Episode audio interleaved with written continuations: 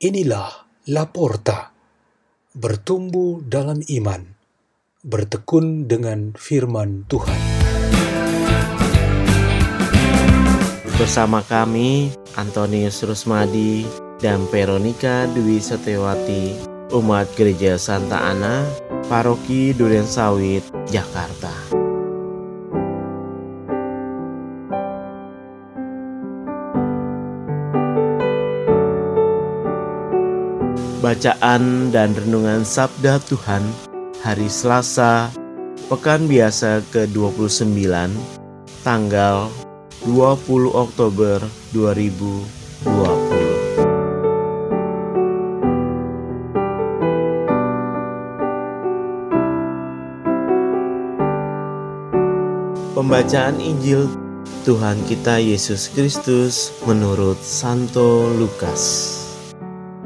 Hendaklah pinggangmu tetap berikat dan pelitamu tetap menyala. Dan hendaklah kamu sama seperti orang-orang yang menanti-nantikan tuannya yang pulang dari perkawinan. Supaya jika ia datang dan mengetuk pintu, segera dibuka pintu baginya. Berbahagialah hamba-hamba yang didapati tuannya berjaga-jaga ketika ia datang. Aku berkata kepadamu, sesungguhnya ia akan mengikat pinggangnya dan mempersilahkan mereka duduk makan, dan ia akan datang melayani mereka. Dan apabila ia datang pada tengah malam atau pada dini hari dan mendapati mereka berlaku demikian, maka berbahagialah mereka. Demikianlah Injil Tuhan.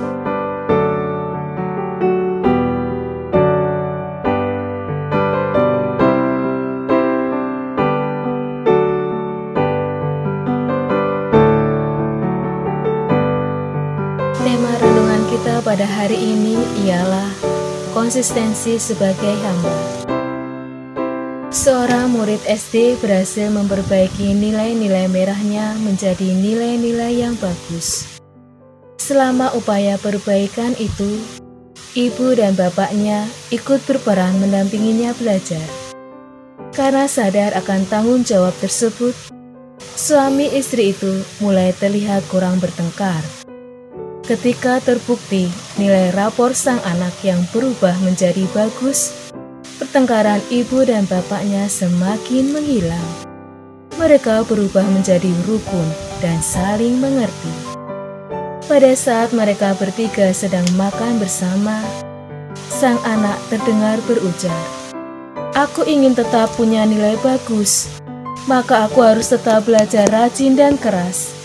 Papa dan Mama juga harus tetap rukun. Tidak boleh bertengkar lagi. Anak itu bukan membuat sebuah pernyataan, tetapi ia justru memberikan sebuah nasihat. Ia mengingatkan dirinya sendiri, orang tuanya, dan kita semua bahwa mempertahankan yang sudah baik dan bagus adalah sikap terpuji. Ia ingin supaya sikap konsisten menjadi pilihan terbaik bagi kita semua yang ingin menjadi setia dalam mengikuti panggilan-panggilan kita. Bagi kita yang adalah pengikut Kristus dan anggota gereja yang kudus, pengalaman kita akan konsistensi Tuhan terhadap kita tidak bisa diragukan. Ia setia terhadap kita dalam segala hal.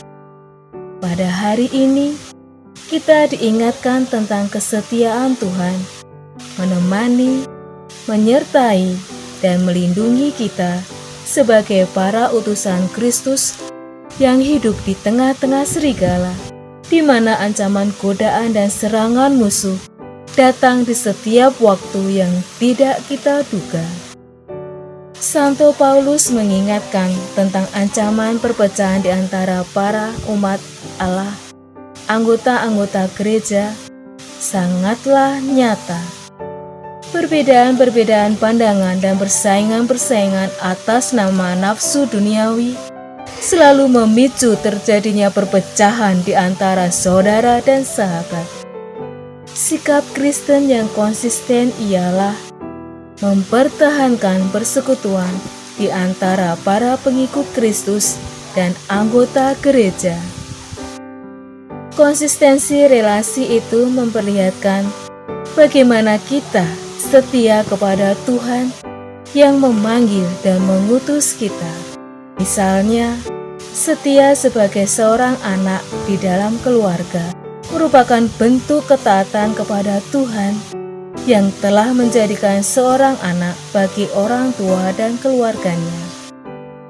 Tuhan Yesus memberikan perumpamaan sosok seorang hamba yang harus konsisten akan tugasnya untuk berjaga-jaga terhadap kedatangan tuannya. Hal ini bermaksud mengajarkan kita untuk menyiapkan diri dalam kondisi apa pun ketika Tuhan menyatakan kehendaknya kepada kita. Tuhan konsisten untuk datang kepada kita dengan segala berkat dan campur tangannya dalam hidup kita kita juga mesti konsisten untuk menerima dan menyanggupi kehendaknya kepada kita. Marilah kita berdoa dalam nama Bapa dan Putra dan Roh Kudus. Amin. Ya Tuhan, jadikanlah kami hamba-hamba yang setia dalam menyambut kedatangan-Mu.